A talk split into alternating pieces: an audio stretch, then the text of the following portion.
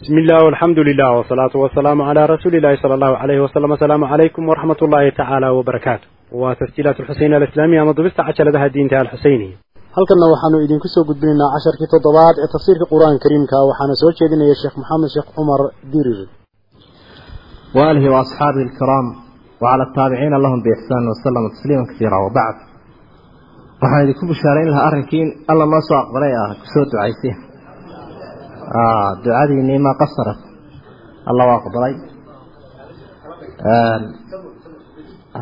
Taas taasi waa taas. Ta kale kolley aayaadka axkaamta markaynu marayno daruuri maaha inaynu labada maqro gaadhno. Oo aayaadka axkaamta waa laga yaabaa in hadal yaro geli karo ka badan inta kuwa qisaska. Marka haddii aynu maqro iyo bargarno dhammayno ma xumo ama labadaba aynu gaadhsiino. Kulba waa sida inoo saamaxo hadal aayadaynu ka bilaabaynaa waa boqol iyo toddobiyo toddobaad suurat lbaqara acuudu billahi min ashayطaani arajiim laysa albira buu ilahay samuhu maaha an tuwalluu inaa u jeedisaan wujuuhakum wejiyaashiina qibala almashriqi waalmaqrib bari iyo galbeed. Xaggaa bari oo mashriqa iyo maqrib oo galbeeda walaakina albira walaakina da lbiri calaa xadfi mudaaf si ay isu waafaqaan ismiga iyo khabarka samaha qofka u saaxiibka ahay man qof weeye intaa dhowr iyo tobanka arrimood ee soo socda la yimid aayadda waxay jawaab u tahay yahuud iyo nasaara oo qoloba dhan aan ilaahay ogolayn oonu farin u jeedsaday amaa dadka muslimiinta ah ee halkii ilaahay faray bay u jeedsadeen oo qiblada ah marka iyagu way ku ammaanan yihiin sabafalku ma aha meeshaad calmatood wejiga qaabiliso laakiin waa halku alla ku asteeyo ood waajahdo ood u tukato. Marka arkaantii iimaanka iyo xaqiiqat albir samaha waxaa la yidhahday aayaddu tilmaamaysa. Waalbiru ismun jaamicun lianwaaci alkhayraat biriguna waxa weeye magac koobsanaya wax alla wixii samaa. Qalban wa qawlan wa ficlan. Midku doonaya ha ahaado. Qofka samaha u saaxiibkii man aamana billaahi walyowmi alaakhir waa qofka ilaahay iyo aakhiro rumeeyey walmalaaikati buu rumeeyey malaaigta ilaahay waa wanaagsan. Walkitaabi iyo kutubta ilaahay uu soo dejiyey ee kitaabkan furqaana ama qur'aanku uu khatimay. Waannabiyiin ambiyada ayuu rumeeyey nebi maxamed oo khatimay calayhi salaatu wasalaam wa aata almaala waa qofka xoolaha bixiya calaa xubbihi isagoo jecel. Nebiga waxaa la yidhi ayu sadaqati afdal? Sadaqadee u fadli badan. Markaasaa wuxuu ihi anta tasadaqa wa anta saxiixun shaxiixun takhsha alfaqr wa ta'mul ghina adiga oo caafimaad qaba oo ka cabsanaya faqri isla wa xuruuriyo haninimo ku yidhi diilanaya. Markaasay sadaqada aada bixiso aada u fadli badan. Marka calaa xubbi isagoo xoolaha jeceloo gacanta masi haysataale markuu iska furfuro. Calaa xubbihi waxaa kaloo lagu macneeyey isagoo ilaahay jecel. Calaa xubbihi waxaa saddexaadoo lagu macneeyey isagoo infaaqa laftiisa jeceloo qiimihiisa. Calaa xubbihi isagoo jecel ayo miskiinka afarta macnada culimadu way ku fasireen. Oo miskiinka aan isu xariifinayno inuu wax dheer yahay aanu arkaynin inuu isba u baahan yahay siduu miskiinku ugu baahan yahay waxbixinta si laag inuu isna ugu baahan yahay dareemaya. Dawil qurbaa buu siiyey dadka dhawaalaha ah ee xigtada ah. Walyataamaa iyo agoonta aabbahood uu dhintay walow xolobaha haystaan iyagoo yaryar.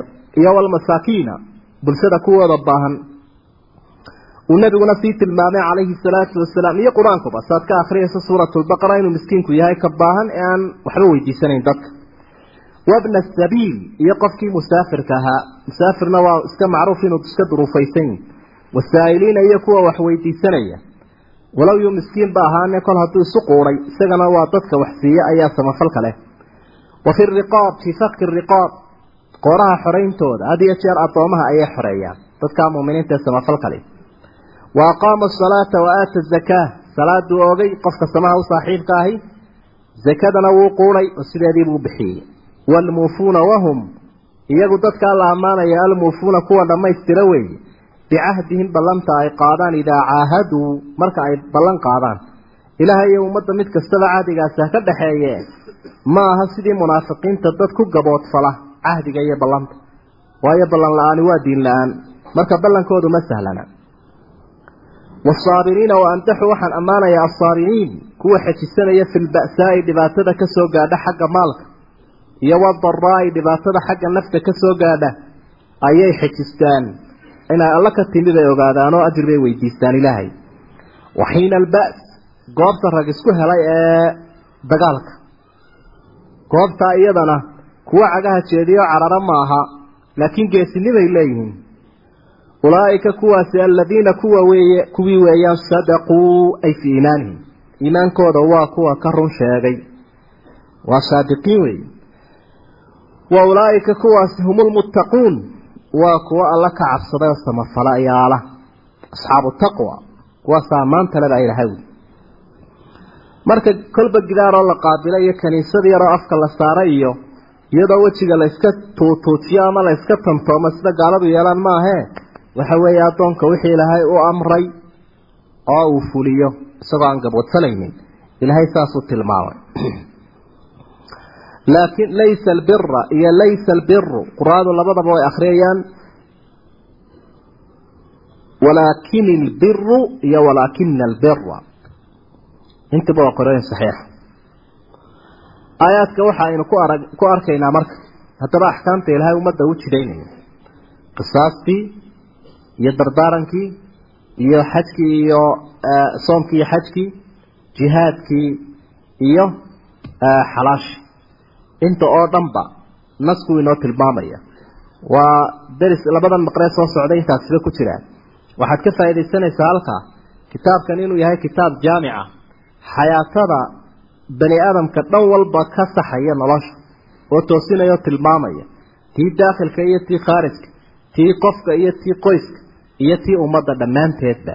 Waanaad arkaysaa aayaadku kolka cibaadaadkii ilaahay uu ka hadla ayaa haddana xuduuddii iyo xeer ciqaabeedka iyo haddana xidhiidhkii dabadda amaba dadkii ummadaha kale sidii laga yeelayay. Intoo dhanba saasuu nasku isu dhex dhigaya. Waa diin aan la kala saari karayn oo ilaahay u talagalay sidii ay ku timi in lagu raaco. Yaa ayuha aladiina aamanuu dadkii ilaahay rumeeyow kutiba calaykum alqisaas waxaa laydinku waajibiyey qisaas. Fi lqatla kuwa la dilo. In qofkii loo qisaaso oo loo dilo. Ama wixii uu geystay ee xubin uu ka gaadhsiiyey qofka la gaadhsiiyey intii uu geystay in le qisaaskuna waa raafraac oo siduu nebiguba sameeyey calayhi salaatu wasalaam ninkii yuhuudiga ahaa ee inanta yar intuu laba dhagax isu barkiyey madaxa kaga bishiiqiyey. Isagana laba dhagaxunbuu dhakadiisa u dhigay midna wuu barkiyey midna dhakadunbuu kaga dhuftay warkuba saasuu ku dhan yahayba marka waa raadraac wixii uu qofku ku dilay in lagu dilo. Alxuru bilxur kii xorta ahaa waxaa loo dilay mid xoruhu dilay. Waalcabdu bilcabd addoonkiina waa la dili doonaa mid addoonaha uu dilay awgeed. Waalunhaa bilunhaa tii dhadigaydna waa la dili tu dhadig oo ay dishay awgeed. Marka aayadda waxa sababtu ay ahayd nimankii carbeed dhibaatada haysatay iyo jaahiliyada ku dhacda waxay ahayd markuu qof wax geysto waxay odhan jireen kan annagu kaayagii uu ka sarreeyey. Uu ka sarreeyo markaa uma qalmee mid kii lamida baanu doonanayna. Marka hadduu addoon addoon ka dilo waxay leeyihiin annaga addoonka iyaga la dilay mid xora buu leegyahay haddii mid dhadig laga dilo waxay leeyihiin maya taayadan dhadigi waa may sahlanayna nin bay udhigantaa halkaasay gaarsiin jireen. Maa ashbaha leyla bilbaarix waatayna haysata unde kan wax dilay daciif buu ahaay reerkanka laga dilo. Reer hebelkaasaa laga dilaa markay kuleeyihin maxaa u taqaanaa? Waa ka ugu mudakarsan weeye qofka in la daayo mudnaa wey dabeetana ilaahay aayaddan uu soo dejiyey labadii xortaha waa laysu dilayaa labadii addoonna waa laysu dilaya labadii dhadigaana waa laysu dilaya laakiin labkii iyo dhadigii iyagana waa laysu dilaya maadaamay muslimiin yihiin maadaamay muslimiin yihiin almuslimuuna tatakaafau dimaahum buu xadiidkii saxiixa leeyay dadka muslimiinta dhiigoodu wuu isu dhigmaa. Annafsu binnafs iyadana waynu gaari doonaa suuratu lbaa'ida laakiin qofkii muslimka ahaa hadduu ku dhagaroobo mid gaala looma dilayo. Oo dee xadiidka saxiixabaa khasisaya tilmaamaya qof gaala inaan loo dilaynin. Manaa haddii la dilo qof muslima isaga waa diya iyo sidoo kale haddii masalan qofka haddii qof keliya jamac wada dilo iyagana waa la layn doonaa siduu cumarba nin qura ayay toddobi dileen. Toddobada dhegtu dhiga u diro waa qisaaso waa lahay reer sanca hadday isku raaci lahaayeen bul adigu toddobaad sheegaysaaye iyaga dhammaantood waa wada layn lahaa. Faman cufiya buu ilahay yihi qofka loo dhaafo min akhiihi shay-un walaalkii xaggiisa qofka wax looga cafiyo. Ee la yidhaahdo niyow qisaastii lagugu lahaa waa lagaa cafiyey ilan dadku waa dad muslimiin oo shaydaan isku qaado isdilay une ukhuwadii iyo walaaltinimadiibaa ilaahay uu sugayaa. Cafiska isagoo ku dhiiri gelinaya qofka. Walaalkiisii dhintay baa waxaa la war qisaastii lagaaga yeeshay hebelo waa lagaa daaye mag baa lagu weydiiyey. Faatibaacu raacid baa waajiba bilmacruufi si wanaagsan loo raaco.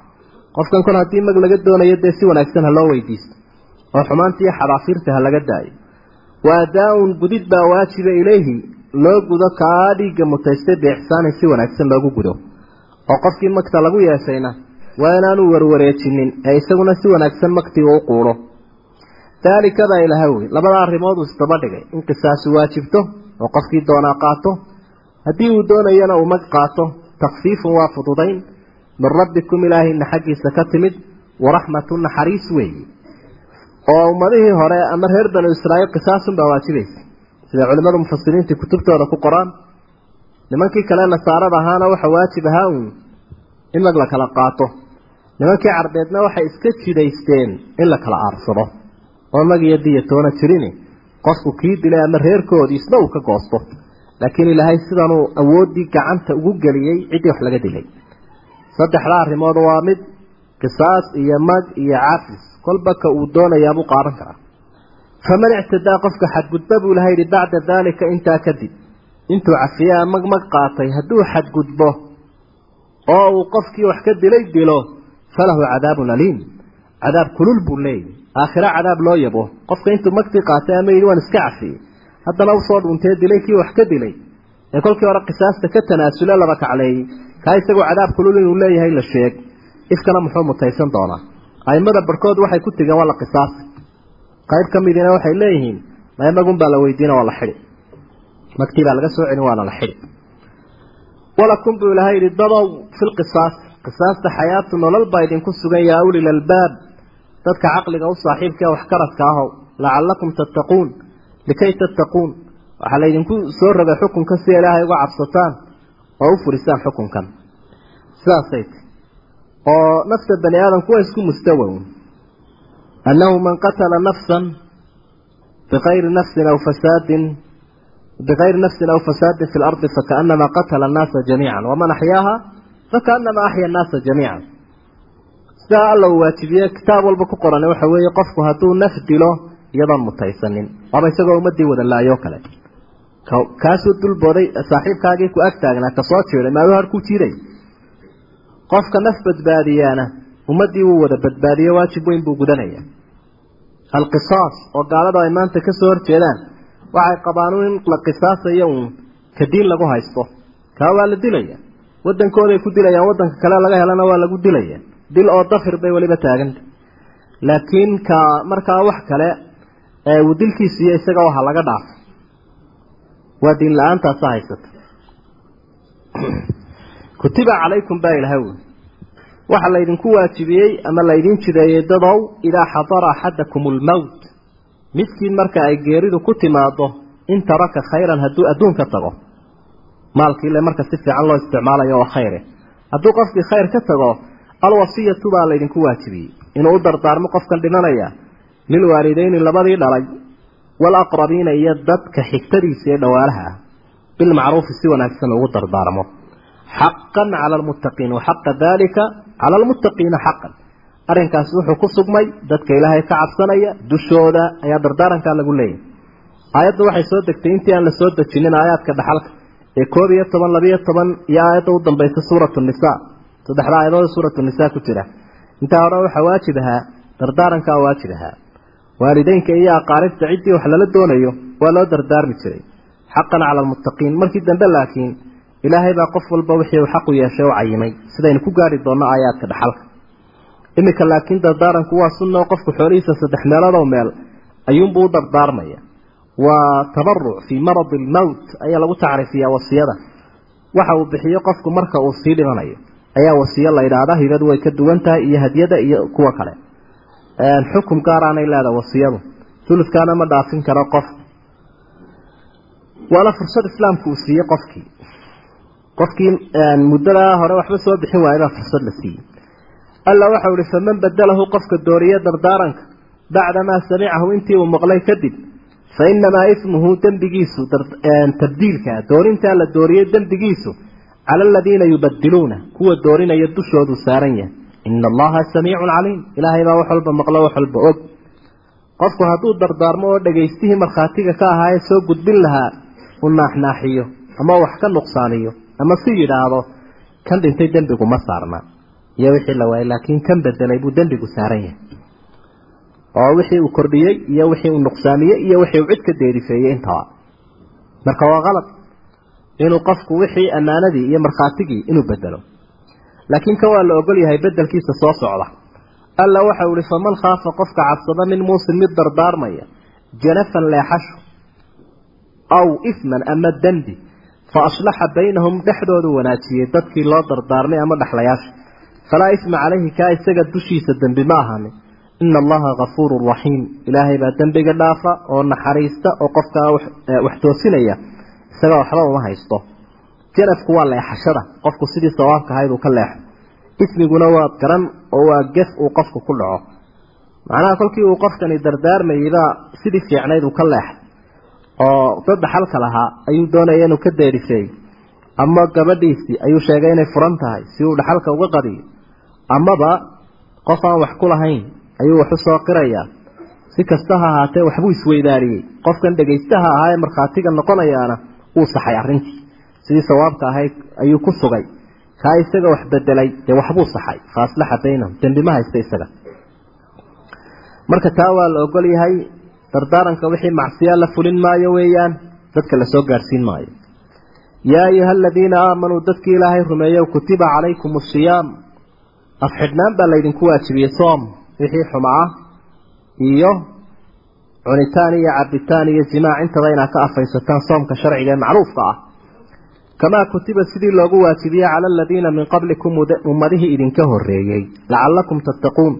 Waxaa u dhowdihiin inaa ilaahay ka cabsataan oo amarkiisa qaadataan. Ama soomkaba waxaa laydinku waajibiyey si aad taqwo uga heshaan. Marka soomku kolka aad eegto dee axkaamtiisa in badan baynu soo qaadanno wakti dhow baynu ka soo baxnay. Laakiin wax badan oo u dhibiyeeya dadka oo u sahla ayaa ka muuqda aayaadka. Iyagoo mu'miniina iyaga oo ummadihii ka horeeyey uun kala mid ah cibaadadan waajibinteeda iyadoo taqwo ay ka helayaan iyo arrimaha soo socdaaba. Waa wax xaafis ah ama kugu dhiiri gelinaya cibaadadan in aanad ka habsaamin oo aanad ku gaboodfalin sidii loogu waajibiyey ummadihii hore xagga cadadka iyo waa laga yaabaa inayna ku kala duunayn laakiin waa wax laydinka horeeyey cibaado waajib ahayd wey ayaaman tira ayaa laydinku waajibiyey ayaaman maalmo maalmo macduudaatin tirsan. Macnaheedu waxa weeye ma badna.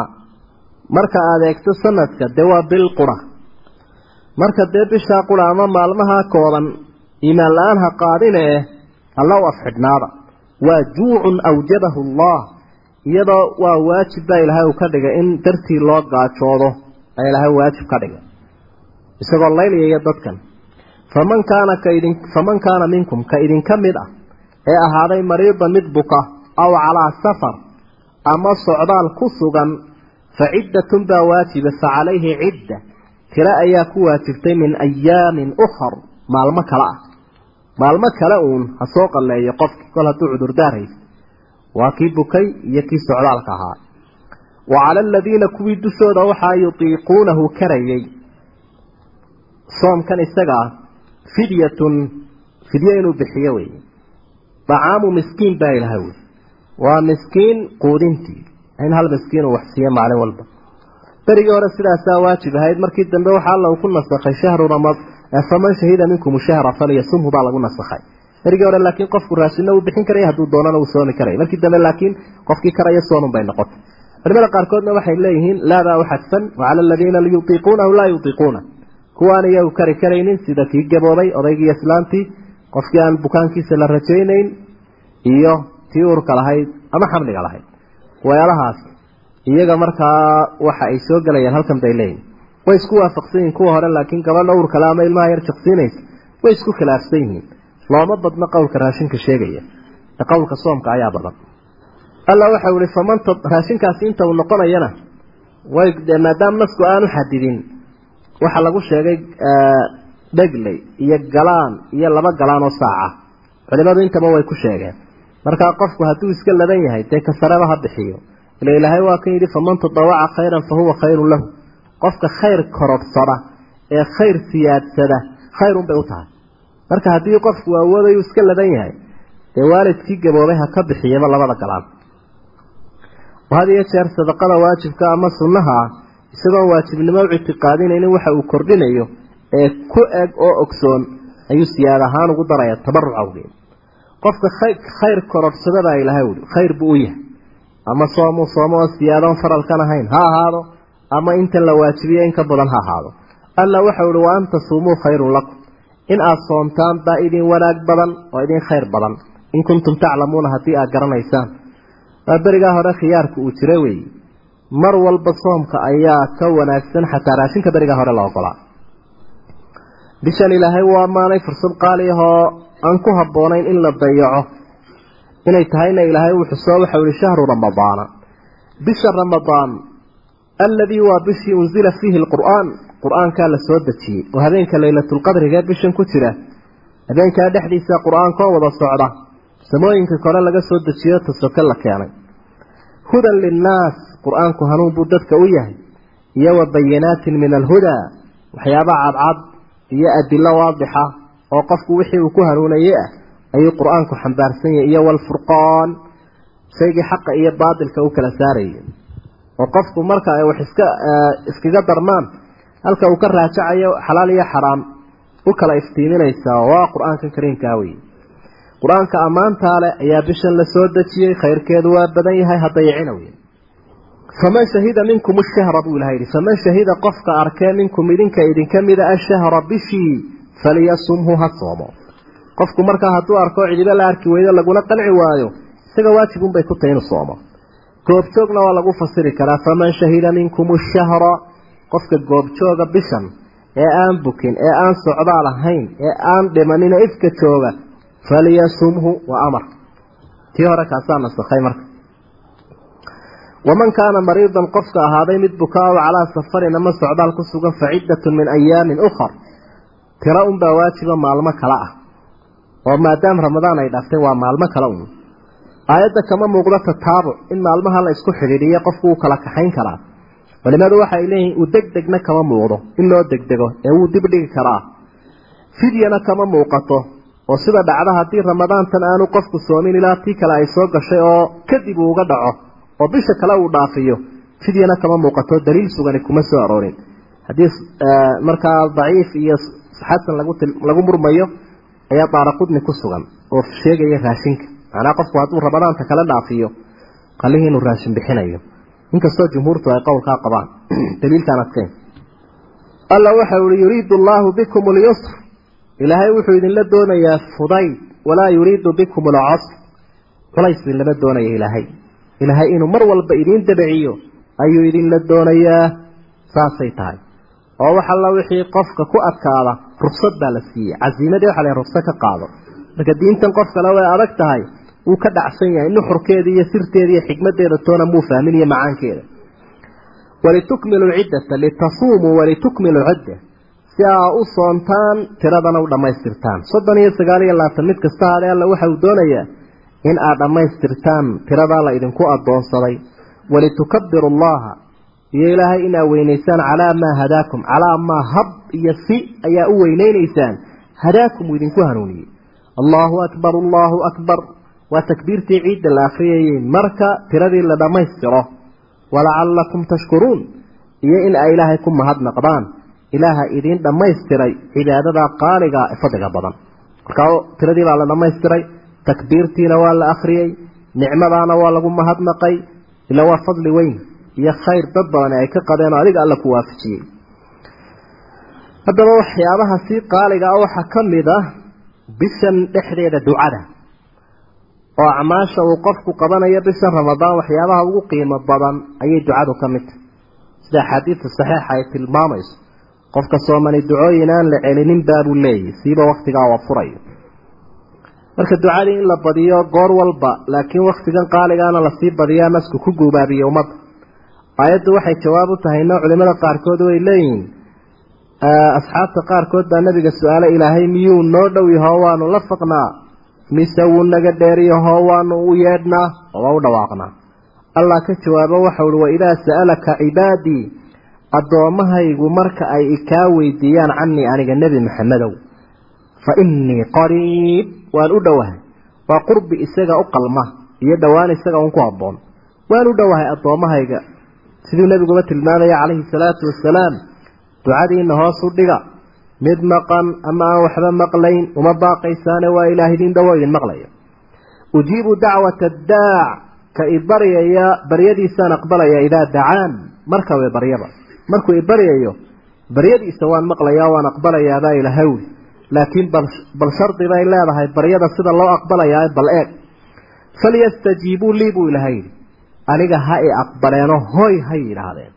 Waan u hadday iyagu ii yeedheen yeedhmadaydaa ka horraysay. Ajiibuu daaciya allah oo rasul baan soo diraye dababta iyagu ha i yeeleen waliyu'minuu bi hana i rumeeyeen.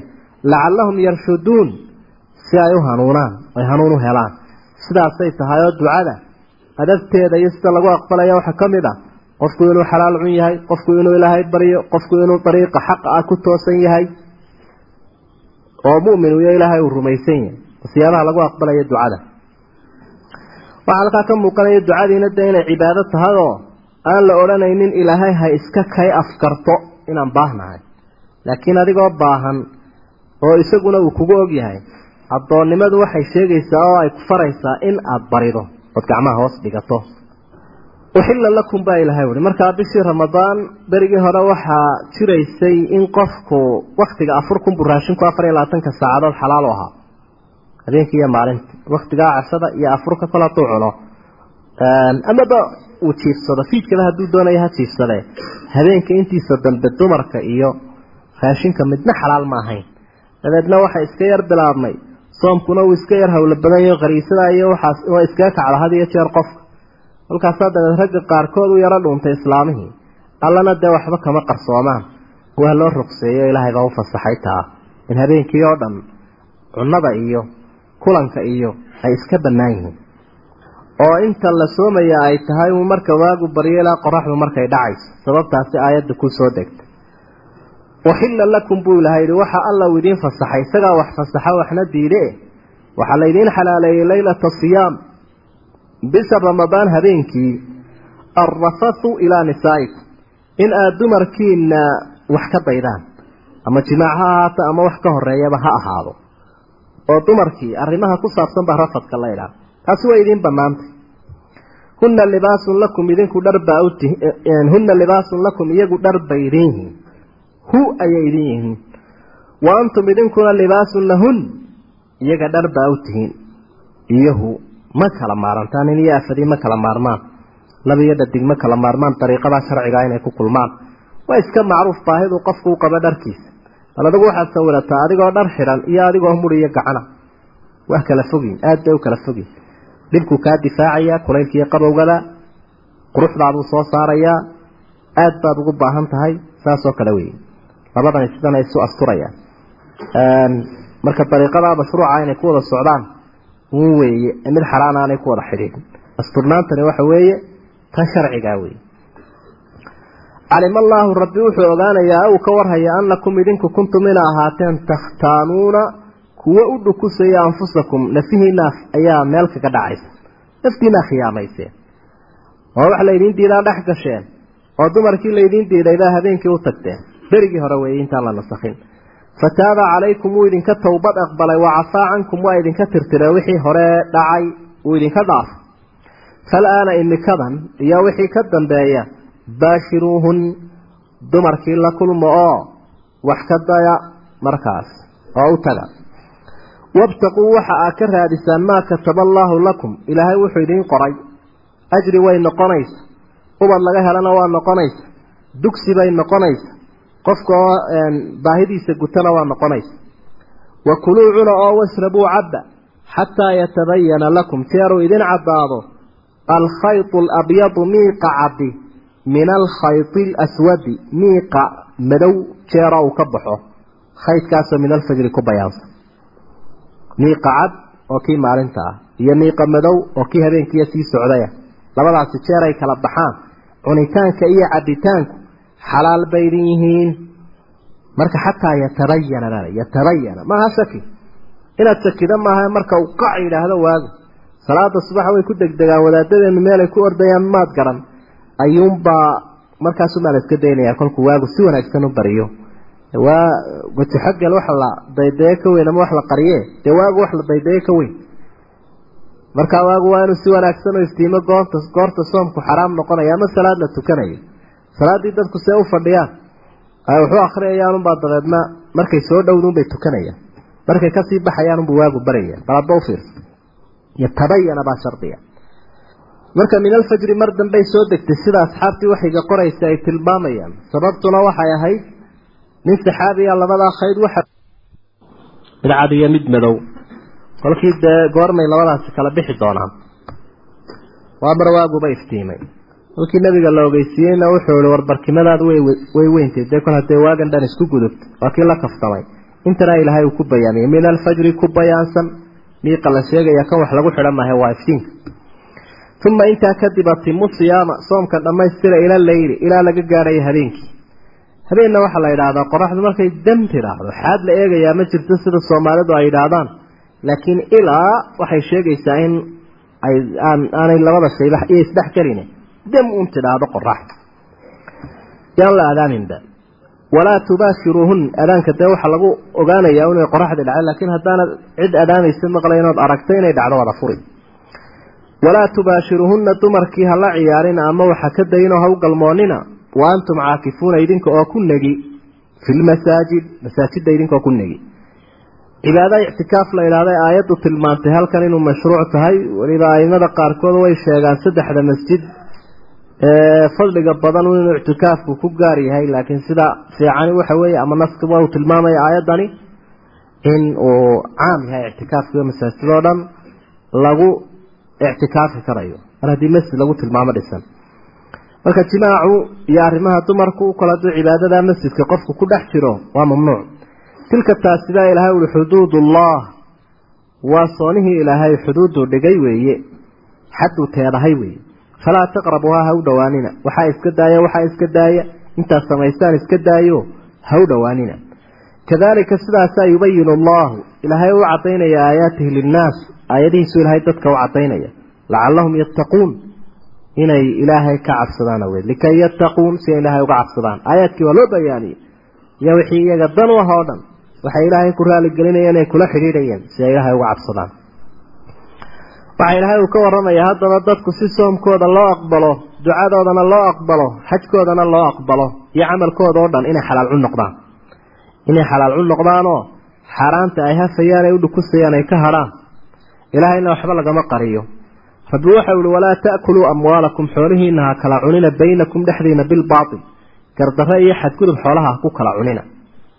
Wa tudluu bihaa walaa tudluu bihaa ficilka hore manhigaaba ayuu ku cadfan yihi walaa ta'kuluu amwaalakum walaa tudluu bihaa ha ku laalushina ila alxukaam. Nimanka madaxda ah ha ku laalushina xoolaha. Lita'kuluu si aa u cuntaan oo u qaadataan fariiqan qayb oo min amwaalinnaasi dadka xoolahooda ka mida bilismi dembi a ugu qaadataan wa antum taclamuun idinkoo garanaya. Idinka oo garanaya dadka dadkii muslimiinta ahaayo ama ummad yahay xoolaha dhexdiina ahaadee baatil ha ku kala cune baatilku waa weji aan sharci ahayn. Wixii sharcigana waa la yaqaanaa. Hana ku laaluushina xoolihiinnii si aa u qaadataan dad kale xoolahood gardarro ugu qaadataan idinkoo garanaya. Macnaa adoo garanaya waxaagi inaanu hayn. Dad shakisantay ama aad dad shakisantayna waad iska dayin laakiin haddii aada moodayso waxaan waxaagi aad ku qanacsan tahay dee waa gaar iyadu. Antum taclamuuna taasay sheegaysa marka idlaag waxaa la yidhaha wadaanta marka lagu rido ceelka marka ha u tuurin adigoo si hoos hoosa ugu ugu qarinaya wixii la odhan jiray laaluushka iyo rashwada. Aimada qaarkood waxay leeyihiin aayadda waxaa laga istimbaadaya ama laga faa'idaysanaya laaluushka rasmigiisu inuu yahay adigoo cid kale xoolaheed doonaya inaad wax bixiso. Laakiin haddii waxaagii aada doonayso oo lagugu xidho oo uu kaa lumayo oo wax kaa baxaan inaanay laaluush ahayn baa daahirka aayadda ka muuqanaya bay leeyihiin alla wuxuu qeyd ka dhigay lita'kuluu fariiqan min amwaali innaas marka wax bixinaysaan dadka waxooda rabtaan inaad qaadataan. Laakiin dee xadiidka kolkaad eegto rashwo oo dhan ama laaluush oo dhan waxa uu ka dhigay xaraam. Kii bixinaya iyo kii qaadanaya iyo kii dilaalka ahaaba waa aafaadka jira weeye iyo inkaaraha ummadii ku dhacay akhiiran. Cid kasta oo markaa maamul ku jirtana siday uga nabad gashaa way adagtay khatarteeda ayaa badan. Dadka waxa uga roonaan lahaa qofkan iyadoo uu iska daayo meeshan ama marka hore uu kala gorgortamo cidda uu kala xidhiidhayo wax ku filan inuu codsado. Dadka laftigoodana wax badan bay laaluush ku qaadanayaana waxa ka roon wax ku filan oo lagu ilaaliyo in malaha marka horeba loo qoro.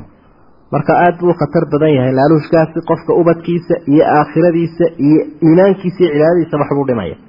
Intaba uu khalkhalinaya alla waxa uu ka hadlay haddana mawduuc kale oo axkaamta ka mid a yas'aluunaka baa ilahay waxay ku weydiinayaan nebi maxamedow can ilahillati bilaha. Bilihii ayay ku su'aalayaan. Su'aashu waxay u taalay bishu maxay la yaraataa? Maxayse la weynaataa marka hore way yar tahay haddana way weynaataa haddana marka dambe way yaraataa. Maxaa xikmadaha ku jira? Loogama jawaabintaa usluubulxakiim habka laydhaa balaaqada ayaa lagu isticmaalay oo ah su'aashu inay sidaa u dhacdo waxa ka fiicnayd in la weydiiyo ama loo soo dhigo xikmadda loo abuuray. Xikmadda bisha ku jirta. Macnaha abuurkeeda. Taasaa looga jawaabo. Waxaa la leeyahay taa in laydinka jawaabo waxaa ka muhiimsan jawaabta. Qul waxaad tidhaa nebi maxamedow hiya biluhu mawaaqiitu linnaasi waalxaj dadka iyo xajka ayay wakti u yihiin. Oo dadku wixii ay mudaysanayaan dee bilay qabsadaan. Xajka laftiisa iyo waktiga uu soo gelayana waxa lagu gartaa bilo. Markaa faa'iidadaasay leeyihiina taa ku xisaabtama walaysa albiru samuhuna maaha bian taatu lbuyuuta guryaha inaad kaga timaadaan min duhuurihaa dhabarkeeda. Guriga xagga dambe iyo meeshaa dambe yacayga in laga soo duuso taasi sama ma ah ee samuhu waa sidaan soo socoto horeynu u soo markii aynu muqadamada ka soo hadlayna ayaynu soo tilmaanay dhaqamadii carbeed. Inay ka mid ahayd marka ay xajka ka soo noqdaan ayaa waxay odhan jireen dee war kol guriga albaabkii aynu ka geli jirnay inagoo dembaabnay oo dembi dhooban. Dee maanta halkaa ka geli mayne bal docdaa dambe iyo meel yacayga ha laga guro halkaa aan ka soo galno. Saasay odhan jireen. Kolkaasaa ilaahay uu tilmaamay arrinkaasi inaanu arrin ahayn laakiin arrinka wanaagsani wiye kan la farayo walaakina albira albaar aw dalbir qofka samaha u saaxiibkii man itaqaa waa ilaahay ka cabsada. Qofka taqwada leh kaasaa sita samo iyo qiimaba waatu lbuyuuta guryahana kaga yimaada min abwaabiha. Albaabadeeda kaga yimaada guryaha. Albaabku ma dembaabin adigii dembaabayna waxaa lagu rajeynaya in lagaa dhaafae albaabkii ka laga soo galo wattaquu llaha ilaahay ka cabsada lacalakum tuflixuun si aa u liibaantaan. Si aa u liibaantaan ilaahay ka cabsada amarkiisa qaat axkaamtu idin jid idin jidaynayana u hogaansama cibaadaadkii baa ilaahay uu ka soo hadlay iyo akhlaaqdii iyo aadaabtii wanaagsanayd iyo birigii wax alla waxaasoo dhami sidaa isugu hagaagsanaan maayaan. Haddaan rag la iska celinin oo aan wax la yska dhicinin oo aan awood la yeelanin cibaado iyo camal iyo qoys wanaagsan iyo siyaam iyo xaj midna lagu dayn maayo ee waa lagugu cabaya waana lagaa khalkhalinaya oo si aada u gudatada garan maysidba intaad dhuumanayso. Markaasaa ilaahay ummadda jihaadka ayuu kala hadlay. Iyo xoogga ay yeelanayaan. Iyo siyaasadoodu in ay markaas habkan u socoto ay kula dhaqmayaan cadowga. Ilaahay baa wuxuu uhi waqaatilu marka alislaax addaakhili yabqaa cinda alislaaxi alkhaariji. Arrinka dabaddu markuu tiirsan yahy u geejisan yahay ayaa ka gudahana uu hagaagsanaanaya waqaatiluu buu ilaahay yihi dagaalama fii sabiili illaah ilaahay jidkiisa xaqaa ku dagaalama dadku wadooyin kale ku dagaalamaane kuwaa maya. Aladiina kuwii la dagaalama yuqaatiluunakum idinla dagaalamaya walaa tactaduu ha xadgudbina. Xadgudubku waa wixii aan sharciga ogolayn oo lala yimaado. Kuwa idinla dagaalamaya la dagaalama jihaadku waktigii hore mamnuuc buu ahaa uma ma'duunan waa la fasaxay uma ma'muuran. Markii dambena waa la amray dadka. Wakhtiyaasha qaarkood buu marka ahaa kuwii la dagaalamo dadka muslimiintu inay iyaguna la dagaalamaan. Aayaadka laakiin kuwan ku xiga waad arkaysa. Ina allaha ilaahay laa yuxibu almuctaadiin kuwa xadgudbaya ma jecla. Nebiguna calayhi salaatu wasalaam waxa uu u diidayay dadka alisaa'atu fi ljihaad aw fi lqitaal markaa wuxuu lahaa dagaalama idinkoo ilaahayna kaashanaya. Waxaad la dagaalantaan cidda gaalowday ee xaqa ka soo horjeesatay. Markaa wuxuu u diidayay dadka waxyaabaha xadgudubka ah sida masalan addoomaha inaan la layn dumarka carruurta odayga weyn ka suufiga ee meesha sawmacadda iyo qalwada iskaga jira xoolaha miid wareenka waa aladab fi lqitaal qitaalka laftiisiida adabtaas oo dhan. Marka intaasoo meel laga dhacabaaba xadgudubkiya. Alla waxau ihi waqtuluuhum laaya. Xaytu saqiftumuuhum goobta aad kula kulantaanba. Kol haddii ay yihiin cadow laytayo ilaan sida macruufka ah waa kiina il horreeya un markaa halka ay taagan yihiina ka heshaanba ku hinjiya. Wa akhrijuuhum waxaa ka saartaan oo ka qixisaan min xaysu akhrajuukum. Meeshii ay idinka saareenba. Hadday meel idinka saareen idinkuna ka saara. Haddii ay guryihiina idinka saareen guryahooda ka saara. Liana aljazaa min jinsi alcamal. Haddii ay dee iyagu irhaab yihiin idinkuna irhaab noqda wey. Laakiin caqligal ma aha idinkuna irhaab ha noqonina aniguna irhaab baan ahaanaya caalamulislaami maanta gaaladii bay ka fadhihi lahayn oo lacagtoodii ka haysan lahayn oo guryahoodii kaga cibaadaysan kari lahayn oo maatidoodii laynays oo dalkoodii degaysa markaasaa iyagoo intaa irhaab ku ah oo dadkii cabsi gelinaya bay leeyiin idinku irhaab ha noqonina laakiin anagunba ahaanayna. Oo arrin la yaab le wey ninka taa ka yeelayaa ka nacas alla waxau ihi waalfitnatu baa ilahay ui balaayada ama gaalnimada iyo fasaadka xagga diintu ashaddu min alqatl. Dilka waa ka daran yahay. Su'aal baa lagaaga jawaabay. Su'aashaasoo aniyow dagaalku waa hawl badanyo naf iyo maalba waa ku baxaya dhulna wuu ku burburayaa. Talo miyaa la iska daayaba? Talo miyaa la iska nasta? Macaankeedana la iska haysto allah kaaga jawaabo waxaa layihi dal iyo dad iyo diin iyo duunyada in lagaa aafeeyo ayaa ka daran taasaa fitno la yidhaha taasaa waxay ka daran tahay dhimashada dadka qaarkood dhimanaya. Haddii qaar ka midii dadka inay dhintaan la diido oo jihaadka ay galaan kulligood baa dhiman iyagoo iska baktiyaya walaa tuqaatiluuhum baa ilaha uli hala dagaalamina cinda almasjidi alxaraam kacbada agteeda. Xataa yuqaatiluukum fiih jeero ay idinkula dagaalamaan idinku ha ku bilaabina fain qaataluukum haddii ay idinkula dagaalamaan faqtuluuhum laaya baa ilaha uli kadalika jazaau lkaafiriin kuwa cudurkaa gaalnimada la yidhaahdo qaba abaalkoodu waa noocaasoo ana aqaana baa ilahay uli waa run isagaa yaqaano abuurayoo taxadkooda oo guniyo baar isagaa ka warhaya abaalkoodu waa sidaase mar hadday idinla dagaalameen har ha u jiidina baa ilaha uli fain intahow haddii ay ka joogsadaan xumaanta iyo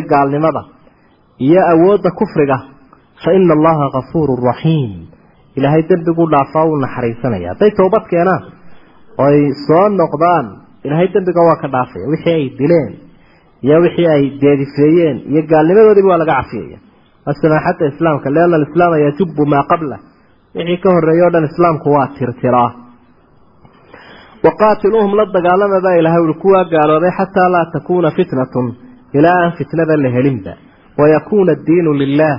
diintuna ilaahay una ahaato culamada qaarkood waxay ku fasirayaan ilaa gaalnimo la waayo oo diinta caalamkan ka jirtaana ta islaamka un ay noqoto. Waxay la akhriyayaan xadiidkii saxiixa ibni cumar umirtu an uqaatila annaasa xataa yaquuluu laa ilaaha ila allah waana muxamadan rasuulu llah wayuqiimu salaa wayuutu zakaa haddii ay intaa idhaahdaanna dhiigoodiiyo way ilaaliyan ilaa xuquuqda islaamka mooyaane. Aimo badani waxay ku fasirayaan ilaa fitno kufrigu wata aanay jirin oo dee awoodda kufriga ilaa la dubeeyo. Diinta daahirka ee caalamkan xukumaysa ee caalamiga soconaysana tan islaamka ay noqoto. Leannahu gaaladu shucuubtooda ay xukumayaan laftigeeda waxa ay xaq u leeyihiin islaamkan macaaniyo diintan saafiga ah inay gaadho. Diinta keliya ilahay oo caalamkan ka ogol yahayna waa taa. Liyudhirahu cala addiini kulli. Diimaha kale haba jirin laakiin waa inuu isagu ka sarreeya. Diimihii kaleo awood isbida oo junuud iyo ciidamo soo kaxaystaana waa fitnada lafteeda. Marka kufri wuu jiri karaa laakiin yaanu noqonin mid awood leh oo islaamka gaadhaya dadka muslimiinta iyo dadka gaaladaaba mid hor joogsan kara waa inaanu noqon. Waxay la akriyayaan markaa culimadaasi aayadda ilaha uli laa ikraha fi ddiin. Qad tabayana rushdu min alghay marka maadaama loo ogolaaday dee sidii nebiga iyo asxaabta iyo khulafadooda ay ahaayeen in qaar gaalaha ay jiri karaanoo dadka muslimiinta dhex degan waxaa la diidaya waxa weye shawko iyo awood inay yeeshaan ay wax ku fitneeyaan fain qaataluukum buu ilahay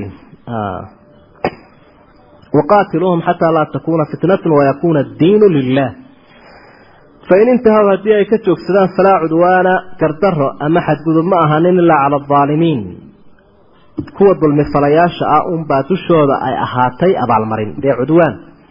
Manaa waxaa loo ogeysiiyunkii ay sameeyeen hadduu daalim yahay oo isagu uu xadgudub sameeyey wixii lagu sameeyey xadgudub maaha oo abaalmarin. Ashahru alxaraamu bishahri alxaraam waalxurumaatu qisaas. Waxay aayaddu jawaab u tahay nimanka gaalada ah iyaguba way ogaayeen bilaha ashhuru xurumka waana yaqaaneen haddaba haddii ay dhacdo bilaha inay meel kaga dhacaan xurmadooda oo ay idin soo weeraraan ha odhanina idinku waa bilihii aan la dagaalami jirine xurmada lahay wax iska dhiciya xurmaday iyagu aaminsanaayeen iyo taa aaminsanaydeenna ha la ysu dhigo. oo xurmo la jabiyaa xurmo la jabiyaaday leedahay laakiin ha la yska celiyo. Ashahru alxaraam bisha xurmada lihi bishahri alxaraam tuqaabal bishahri alxaraam bilaha xurmada le baa la qaabilsiin. Oo hadday xurmadeedii meel kaga dhaceen idinkuna meel kaga dhaca waalxurumaatu qisaas. Xurmadiina waa mid la isu tuurayo oo la isu goynayo oo la iska horgeynayo hadday meel hadday ku xadgudbeen idinkuna dee abaal mariya faman ictadaa calaykum qofka idinku xadgudba factaduu calayhi. Idinkuna ku xadgudba xadgudub maaha la abaalmariya bimili ma ctadaa calaykum. Intuu idin yeelay in la eg idinkuna yeela. Isaga xaggiisa marka loo egay dee xadgudub ayuu ka aaminsan yahay. Qofka dhib idin yeela idinkuna intaa in la eg yaalla macasimay noqonaysaa cadowgii oo dadkii dhulkoodii haysta oo dadkoodii haysta oo diintoodii. Aanu ogolayn oo dhaqaalahoodii hafaya inay yidhaahdaan annagu way iska gacan laabnaanaynaa gacmaha iyagaanu laabanayna isagaana cadaaladii haya doqoniinay noqotay. Taasaa qur'aanku u faraya macnaha sidaa in aan wixii ay sameeyaan xaq loogu leeyahy in loo jawaabo markaasay gar qaadan ilaahay baa wuxu uhi waanfiquu bixiya fii sabiili illaahi jihaadka wax ku bixiya walaa tulquu biaydiikum gacmihiina ha ku tuurina ila tahlukati halaaga. Waaxsinuu samafala ina allaha yuxibu lmuxsiniin ilaahay wuxuu jecel yahay kuwa samafala ayuu ilaahay jecel yahay. Jihaadka wax ku bixiya gacmihiina halaaga ku tuurina samaha ogaada oo mar walba ka badiya wixii la idin faray ka sii kordhiya. Waktigii dambe lala dagaalamayay nimankii ruom ayaa nin baa orday markaasuu dabeetana cadowgii ku hinjiyey aada buu la dagaalamay kow baa lagaga siiyey. Dadkii meesha joogay baa waxay idhaahdeen subxaana allah alqaa nafsahu fi tahluka naftiisii wuu halaagay. Abi ayub ansaari abi ayuub alansaari baa ka hadlay oo markaasa wuxuu lahaa aayaddan aada daliishanaysaan sidaa kumay soo degine. Taasi waa sidaynima buu markaa macnaha leeyahay. Sidan kumay soo degine waxay ku soo degtay walaa tulquu biaydiikum ila tahlukati annagii ansaarta ahayn baa berihii dambe markii colaal asxaabtu ay bateen. Iyo mujaahidiintu ayaan waxaan istusnay waararmayna wixii naga baylahay. Waxyaabaha qaarkood ku haboontay inaynu basrisanno oo aynu reeraheenii dib ugu noqonno. Markaasa dabeetana ilaahay aayaddan uu soo dejiye uu leeyahy walaa tulquu biaydiikum ila tahluka jihaadka galoo ha ku tuurina gacmihiina halaag oo jihaadka ha ka tegina. Waxaa gacmihiina halaag ku tuuraysaan markaa jihaadka iska daysaan taasina de waa mawduuc kale qofku haddii uu maaragtay cadowga weeraro oo uu ku hinjiyo ama naftiisaba in dee ku tuuro oo uu iqtixaamkaa sameeyo waa masale ay isku khilaafsan yihiin culimadu. Waa qofkani tadxiy uu sameeyey oo nafsi hura weeye iyo sidaa cagsigeed oo markaa aan dee waxaan banaanayn inuu isdil noqonayo labadaas laakiin nusuus badan bay u soo qaataan culimada mucaasiriintii marka ka warramayaan masalan wa atimu lxaja baa ilahay ui xajka dhammaystira iyo walcumrata lilaah xajka iyo cumradaba ilaahay u dhammaystira. Xajka iyo cumrada. Labaduba waa waajib sida naska ka muuqanaya. Aimada qaarkood waxay tilmaamaan in xajku uu waajib yahay cumraduna ay sunnatay laakiin sida raajixa labaduba waa inay waajib yihiin. Marka qofku haddii uu dhaqaalahayo oo wixiisa ay u kala hadlayaan wuxuu carruurta ugu sii shaqeeye iyo iyo wuxuu baytullaahi alxaraam kuu soo booqdo waa inuu tago dhowr kun oo dollar hadduu haysto kun iyo shanta waa inuu bixiyo dabeedna uu ka soo xajo. Marka xajkaa lagu dadaalo mawsimkiisina imikuu taagan yahay waqtigii fiisaa la dalbayay. Waa imika wey marka dad badan oo haysta ayaa waxay ku fikiraan sanadka dambea tegi ee bal horta deynahan iyo inahan yara iskudubaridka dhaqaalaha iyo intaa bal horta iska tiiriyo sanadka dambe sanadka dambe ilaa uu noqdo mid safraba oo markaa dee akhewsan marka fursadaha laga faa'ideeyo xajka waa cibaado waajib oo arkaantii ka mid a qofku si arkaantii u dhammaystiro hadduu ilaahay u dhiibay in uu tagaa waa fain uxsirtum baa ilaha uhi haddii laydin hakiyo fama staysara min alhadyi waxa idinku waajibe wixii sahlanaaday oo hadiya uxsirtum macnaha haddii lagu diido xajki oo lagaa hor joogsado lagulaa geli maysi oo ama kacbada agteedii lagu joogsado sidii nabiga caleyhi salaatu wasalaam waqtigiisii ama dhexdaba markaa waxaad gowracaysaa wixii kuu sahlane hadiya yaa fadhigaad gowracaysa halkaasaad ku xalaaloobaysa madaxana ku xiray dabeetana halkaasaad ku joogsa walaa taxliquuha xiirina baa ilahay uhi ru'uusakum madaxiina madaxyaashiina ha xiirina xataa yabluqa alhadyu maxilla. Hadyigu jeeruu gaadho goobtii xalaasha ahayd in lagu gowraco oo mina iyo maka ah. Marka aayadda waxay tilmaamaysaa xurumaadka muxaramaat lixraam qofku marka uu xajka xidhan waxyaabaha ka xaraama waxaa ka mid a inuu timaha rifo ama iska gooyo midka noocay doonayaan timahaasi ha ahaadeen ilaa uu hadyigii gowracayo oo uu xalaaloobayo maalinkii ciidda. Hadyiga maxalkiisuna waa waxa weeye maka iyo mina. Faman kaana ka idin faman kaana qofka ahaaday minkum isagoo idinka idinka mida mariidan mid buka qofka xanuunsanaya idinka mid a aw bihi adan min ra'si ama dhibaataa ku sugan madaxay dhibaata ka haysa.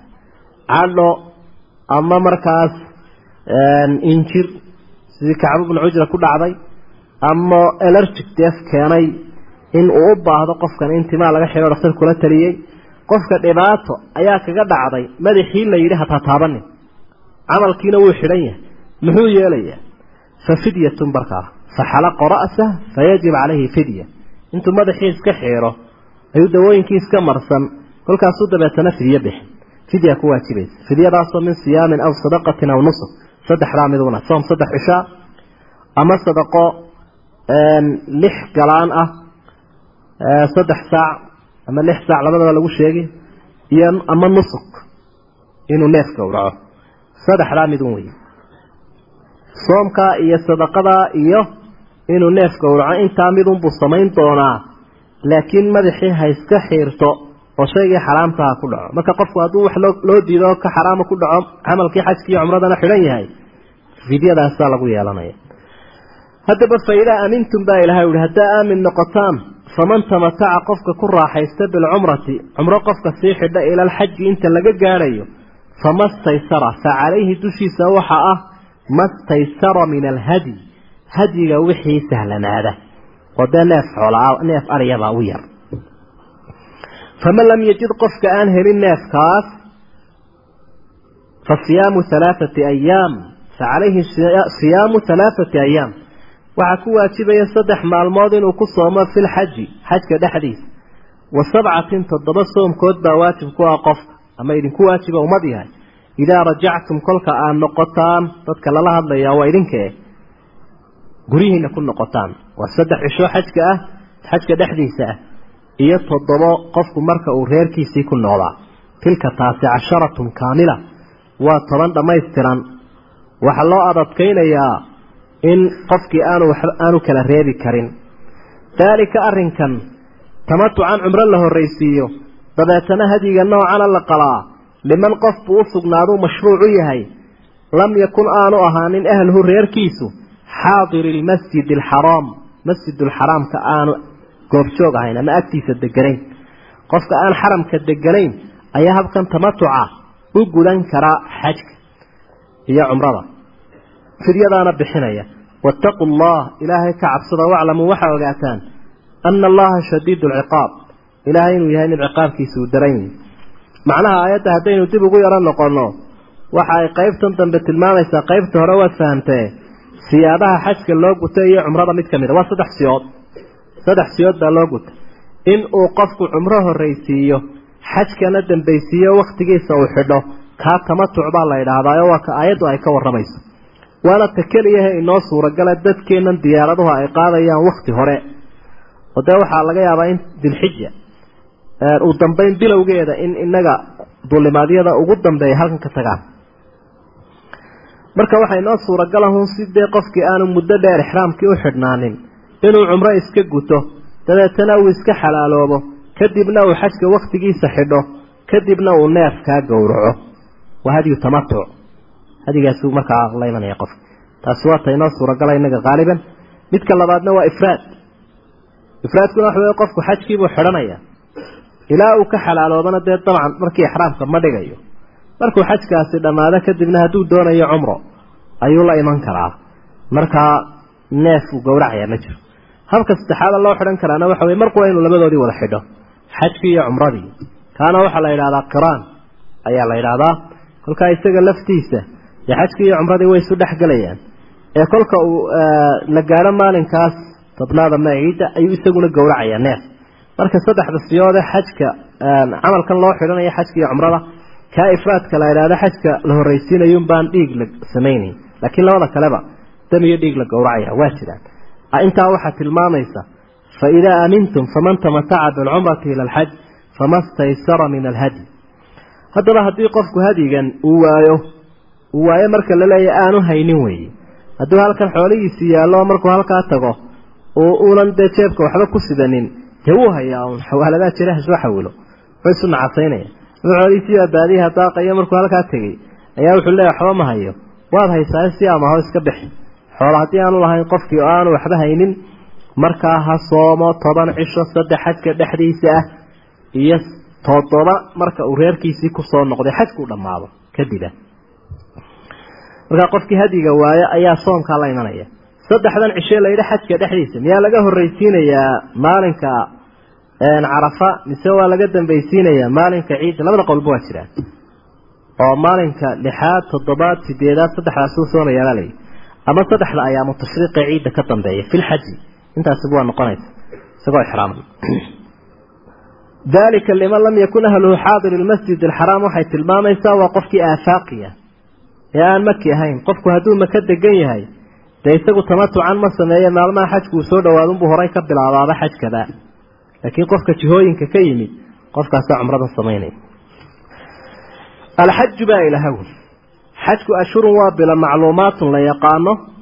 Faman farada qofka isku waajibiye fiihina bilaha dhexdooda alxaja xajkii qofka waajibiye ee xidha bilaha dhexdooda.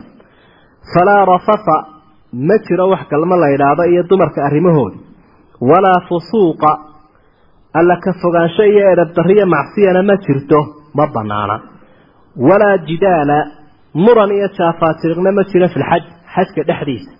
Wax muran la yidhaahdo inuu qofkii gala maya.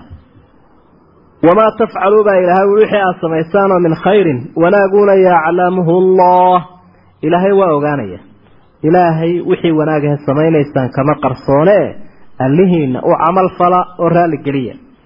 Watasawaduu buu ilahay yihi sahay qaata fa ina khayra azaadi sahay waxaa u fiican attaqwa alla kacabsiga marka sahaydaa qaadanaysaan waa noocyo badantay laakiin taasaa u qiimo badan ogaada. Wattaquu wattaquuni iga cabsada baa ilahay wy isaga oo keliya aniga oo qura iga cabsada baa ilahay u yaa ulil albaab dadka caqliga lahow cidda caqligeedu wanaagsan yahi uu soo jeedo ilaahay ka cabsada oo ha ka tegina waxaa idin faray. Macnaha aayadda haddaynu dib ugu noqonno aayadda ilaahay waxa uu ku tilmaamay xajku inuu yahay bilo macluumaadoo la yaqaano. Carabtu way taqaanay dadkii xaji jirayna way yaqaaneen inta kalena way iska ogaan. Marka dee waa toddobaatankaa habeen.